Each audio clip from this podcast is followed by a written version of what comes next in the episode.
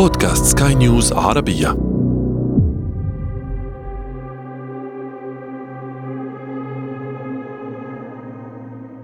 كلا الحادثين التاليين وقع في نهاية 2023 تزامنا مع الحرب في غزة. الأول في إيران هجوم إلكتروني أدى لتعطيل خدمات محطات الوقود. تقريبا 70% من محطات الوقود في كل أنحاء إيران تعطلت، والمسؤول عنها هو العصفور المفترس. والثاني في إسرائيل اختراق لموقع مركز طبي وسرقة معلومات حساسة من أنظمة المستشفى. والحادثان ضمن حرب سبرانية مشتعلة بين إسرائيل وإيران. وفي موقع آخر لكن في العالم الافتراضي حرب مماثلة بين روسيا وأوكرانيا. وبالقرب حرب ثالثة بين الولايات المتحدة والصين. وحرب أخرى بين روسيا والولايات المتحدة وغيرها الكثير. حروب تدور بهدوء وفي الخفاء وتجعلك تتساءل حول أساليبها وكلفتها. كيف فجرت إسرائيل أجهزة داخل مجمع نووي إيراني مقام تحت الأرض؟ ما حكاية الإنترنت الصيني؟ ولماذا أصبحت مصر والإمارات الأكثر تعرضا للهجمات في المنطقة؟ أهلا بكم. أنا عمرو جميل وهذا بودكاست بداية الحكاية. بداية الحكاية, بداية الحكاية.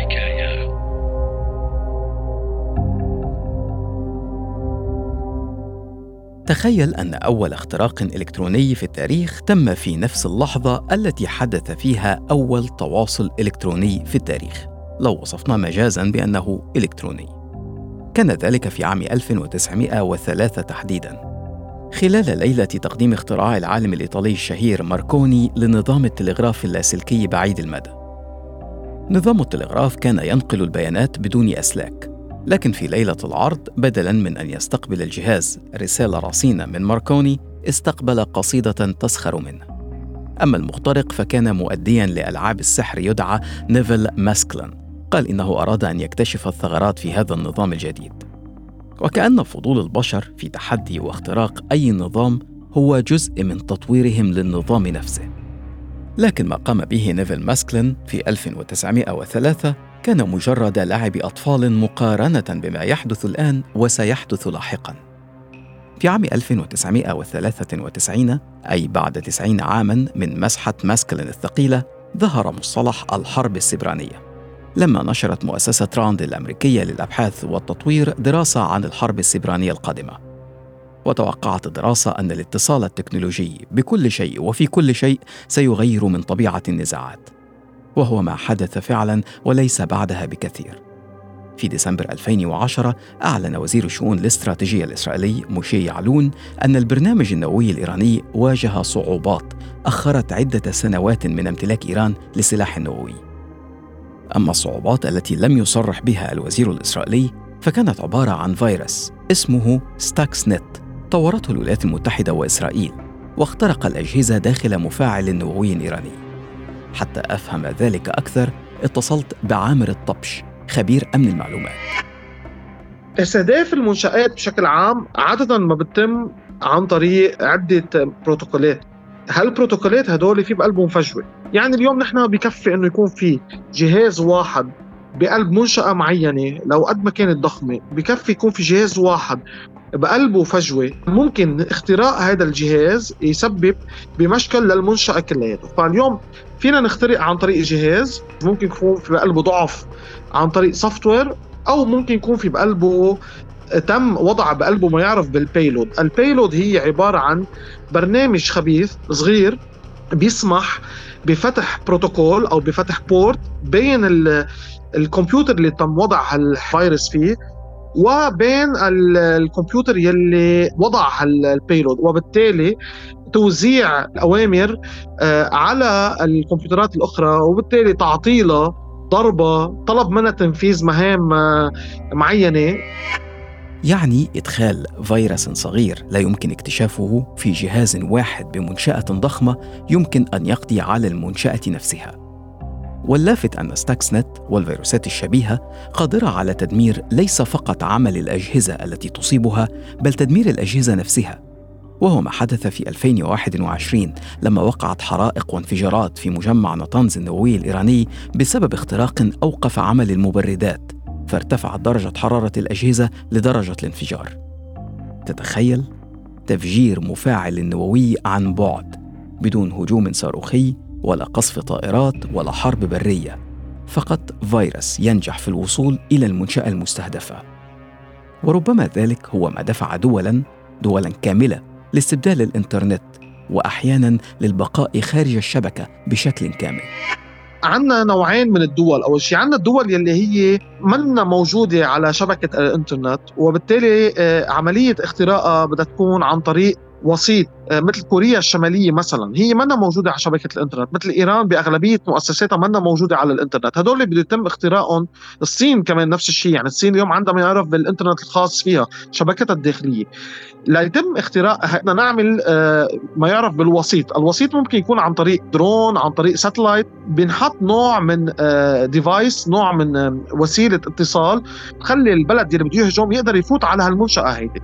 إذا هيدي المنشأة شبكناها remotely ببلش الهجوم بفوت على ال system بيتم سحب المعلومات كلياتها اللي موجودة على هال system المرحلة الثانية بعد ما سحب ال data ببلش بقى تحليل النقاط الداخلية وما قد يسبب بانهيار. يعني مثلا بيشوفوا هن إنه إذا نحن وقفنا عملية نقل الأموال عن طريق بقلب البلد الكترونيا ممكن يسبب انهيار وتوقف مؤسسات وضرب اقتصادي كثير قوي. فبصير في تعطيل لهيدا الجزء من البلاتفورم اللي هو نقل الأموال مثلا تحويل الأموال بين بين المؤسسات وبين المصارف داخل هذا البلد.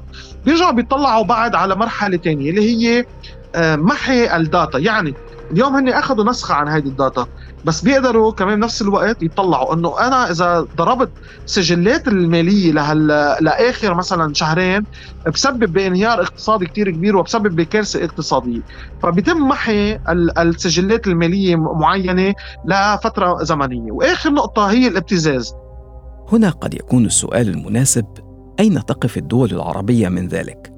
وهل هي مستعدة لهذه الهجمات والحروب السبرانية؟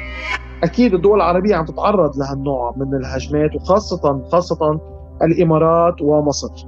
لأنه اثنيناتهم آه، هن حاليا هب آه، للانترنت بالمنطقة. يعني اليوم مصر عندها خدمات سحابية عم تقدمها للمنطقة وعندها آه، عمليات تصنيع تكنولوجيا خاصة بالبرمجيات وإنشاء التطبيقات وإنشاء برامج الكمبيوتر. نفس الشيء للإمارات كمان. عندهم صناعة تكنولوجيا عندهم تطبيقات عندهم خدمات سحابيه cloud services فهدول هن البلاد يلي عندهم عادة هيك خدمات هن اللي بيتعرضوا أكثر شيء لعمليات الهجمات. في الهجمات المبتدئة اللي ما تعرف بال DDoS attack denial of service attack هو عبارة عن هجوم بالمبدأ هو بدائي بطب عليه في 20 ألف طلب بنفس الوقت بثانية واحدة من عدة بلدان فبيتسبب بتوقفه بشكل كامل. الهجوم الهجوم المحترف عم بيكون شوية أصعب وبالتالي حسب نوعية الهجوم وحسب الفجوة اللي قدر يفوت منها هذا الهجوم تجي الشركة بتقيم وعلى أساسها بتعدل بما يعرف بأنظمة ال firewall أنظمة الحماية اللي عندها لتمنع آه، هيك هجمات بالمستقبل. هدول الهجمات ما فيهم يتوقفوا المحترفين لأنه دائما مع تجدد مع مع الابديت أو التحسينات اللي بتصير على البرمجيات وعلى البرامج اللي بتنزل بالشركات ممكن يكون في بالخطأ فجوة مفتوحة أو ممكن عن عمد في سبتمبر 2020 توفيت سيدة في مدينة ديسلدورف الألمانية بعد أن استهدف هجوم سبراني المستشفى الذي كانت تعالج به.